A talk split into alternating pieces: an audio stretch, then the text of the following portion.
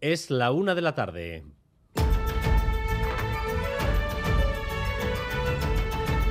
Crónica de Euskadi con Dani Álvarez. A Rachaldeón, la campaña de Navidad permite que el empleo vuelva a dar un arreón en Euskadi. El país crece de manera muy débil, pero no se ha caído en la temida recesión, aunque en el tercer trimestre el crecimiento fue solo del 0,1%. Estamos rozando la cifra del millón de personas afiliadas a la seguridad social. Rodrigo Manero. Sí, en noviembre Euskadi ha ganado 3.600 cotizantes, lo que deja el total en 993.000, un récord histórico absoluto que nunca antes se había alcanzado. Buena parte de estos empleos se han creado en el comercio por el Black Friday y la campaña prenavideña, aunque también se han contratado en otros sectores como la educación. Mientras conocemos ese dato definitivo del PIB del tercer trimestre, de julio a septiembre la economía reduce su crecimiento al 3,8%. Es menos que los trimestres anteriores, pero se sigue creciendo y el consejero Azpiazu dice que las amenazas nos cogen en buena forma. En la víspera del Día de Navarra hoy hemos hecho un bulevar especial en los nuevos estudios de Radio Euskadi en Pamplona, recién reformados, el mismo día en el que se ha firmado el convenio económico con el Estado estabilidad política y financiera para cuatro años en Navarra. o en Arangoa. Con dos años de retraso, pero finalmente llega el acuerdo. Navarra y el Estado fijan en 510 millones de euros la aportación anual del convenio económico, cifra que corresponde al año base, el 2020, y servirá para calcular esa aportación hasta el 2024. Supone unos 40 millones de euros menos de los que pagó Navarra en aquel ejercicio y que ahora podrá recuperar. La presidenta Chivite y la ministra de Hacienda, María Jesús Montero destacan la importancia de un acuerdo que da estabilidad, refuerza la relación bilateral y defienden la transparencia del convenio económico. Hoy termina la semana de huelga en el metal de Vizcaya. Las dos columnas de manifestantes este mediodía, una la de UGT, Comisiones Obreras y LAB, y la de ELA, se han hecho visibles de nuevo por el centro de Bilbao. La patronal dice que el seguimiento de los paros ha sido muy reducido en general en los últimos cinco días. Hoy, por ejemplo, la patronal limita el seguimiento al 15%, pero los sindicatos no tienen previsto aflojar. Eso sí, disposición a volver a la mesa negociadora, mano tendida. Y nosotras estamos dispuestas, por supuesto, como hemos comentado antes, desde el primer día a seguir negociando, pero la patronal tiene la pelota en el tejado y ahora mismo estamos, pues eso, a ver a la expectativa de, si da algún paso o no, pero nuestro compromiso por la negociación está ahí. Que el sector del metal de Vizcaya le exige mejorar sustancialmente los contenidos que puso hace una semana. Y si eso no es así, ya hay que dar otra marcha a las huelgas. La apuesta por ELA sería la huelga indefinida.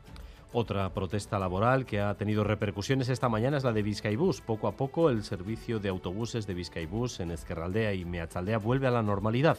A esta hora al menos cinco líneas circulan ya de forma completa y el resto prestan servicios puntuales. Todo esto tras un sabotaje que han sufrido 80 autobuses. Tres cuartas partes de la flota han amanecido con las ruedas pinchadas. Irati Barrena. Un segundo sabotaje en menos de un mes. El 8 de noviembre fueron pintadas y esta vez han sido ruedas pinchadas. Y aunque todavía no se sabe quién está detrás de los hechos, los usuarios lo relacionaban con las huelgas de los conductores de esta línea y nos admitían que ya están un poco cansados. Hoy se suponía que no había huelga y tampoco llega el bus, tenía que haber llegado hace 10 minutos y no vienen. Estoy bastante cansada, la verdad, de las huelgas y eso, porque al final me tengo que levantar una hora antes todos los días para que me coincida el tren y el autobús y si no, no lo puedo coger. Pues llevamos esperando 40 minutos, pues esto la verdad que nos trastoca mucho el, hecho de ir a Leyoa, pues juegan con los horarios y algunas clases igual no puedes ir, que, que no puedes faltar. Berrogei minutu gazia eta bastante aspergarria egia esan. Ja berrogei minutu asko da, klasa junbe la Diputación condena el sabotaje y espera que el servicio esté restablecido en su totalidad para la primera hora de la tarde.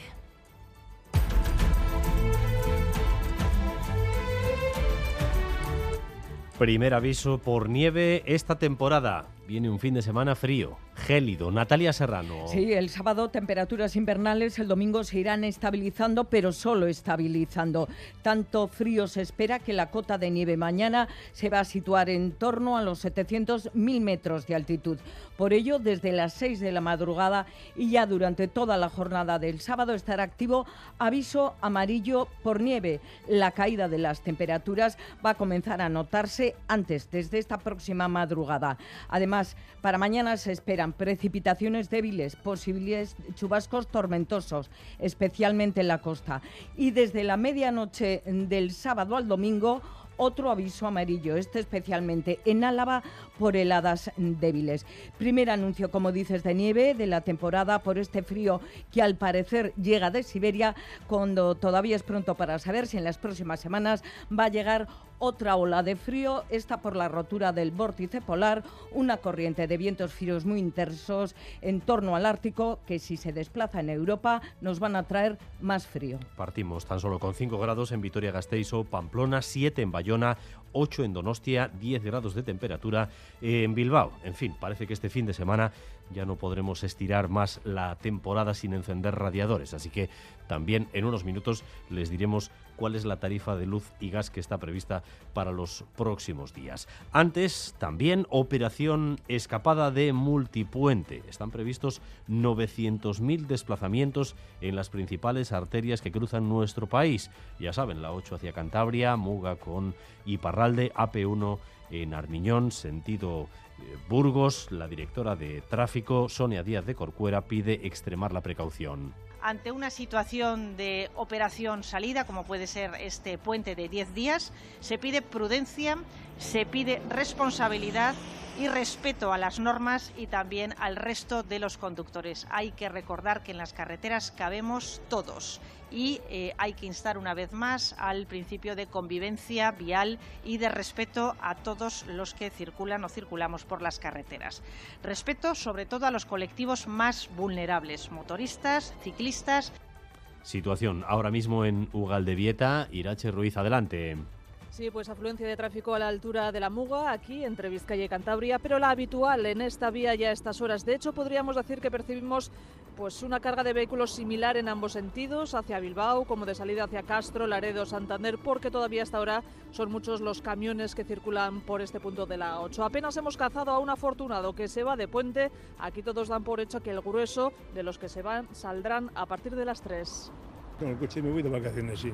Me imagino que ya habrá un pocholo de la hostia, ¿no? Entiendo que ahora, ahora mismo está, está, tranquilo todo, pero, pero yo creo que me imagino que al mediodía empezará, será la bomba, ¿no? Saldrán ahí. Pensaba que me iba a encontrar más tráfico, vivo en Gallerta y esto es un problema en días como hoy. Pensaba que iba a haber ya algo más, pero no hay, no hay nada de momento como decimos, de momento tráfico fluido a la altura de Ugaldevieta, una situación que podría variar de un momento a otro. Los paneles informativos advierten de la avería de un camión a pocos kilómetros en sentido Cantabria. De una punta a la otra, en Viriatu, Xavier Madariaga, Rachaldeón. Arrachaldeón y tranquilidad en este paso de Viriatú a esta hora, donde vemos sobre todo camiones atravesando las cabinas de peaje, mucho movimiento de camiones y también algunas caravanas y furgonetas que delatan a quienes están ya dispuestos a arrancar con el superpuente. Son los más precavidos los que salen lo antes posible para evitar retenciones, nos dicen. Y al otro lado de la muga nos lo confirman los gendarmes que el movimiento que vemos ahora es el habitual para esta hora de un viernes. Aquí en Viriatú el grueso del tráfico lo esperan a partir de las 5 de la tarde. Este mediodía además ha tenido lugar en la, en la, sede de la Sociedad Filarmónica de Bilbao la ceremonia de entrega de los premios La Guaseta que entrega la Diputación de Vizcaya, premios que reconocen la difusión internacional del conocimiento y el uso del euskera. Hay varias categorías, pero este año el premio honorífico ha sido para Rafael Yuste, prestigioso neurocientífico de la Universidad de Columbia que decidió aprender euskera. Irache Fresneda ha recibido el premio audiovisual por su documental Tetuán y el premio La Guaseta de Poesía en la categoría de menores de 35 años ha sido para Itziar Ugarte y en el de mayores de 35 para el Donostiarra Aritz Gorrochategui. Hilko da eta berpiztuko da behin eta berriz, baina bere bidea egingo du urak bezala. Zulatuko du arkaitza eta igatuko du aizea. Aldako baita poesia, baina beti buru bihotzera eta kontzientziara hitz egingo digu zuzen, muinera, eta hori da aldatuko ez den bakarra. Y también lo más destacado del deporte con Álvaro Fernández Cadierno. Arrachaldeón, Álvaro. Arrachaldeón, con la Real que ha vuelto a los entrenamientos después de 18 días de descanso. Lo ha hecho como Mocho, pero sin Miquel Garzabal en el Mundial de Qatar. Hoy sabremos los últimos clasificados para octavos. Se juega en el Camerún, Brasil, el Serbia, Suiza en el grupo G y el Corea, Portugal, gana Uruguay en el H Y en pelota comienza en Amorebieta la segunda jornada del Parejas Ezcurdia Martija Elordi Zabaleta. Gracias, un día más por elegir Radio Euskadi y Radio Vitoria para informarse. Raúl González y Jorge Ibáñez se encargan de la dirección técnica y Aichiber Bilbao de la coordinación. Crónica de Euskadi con Dani Álvarez.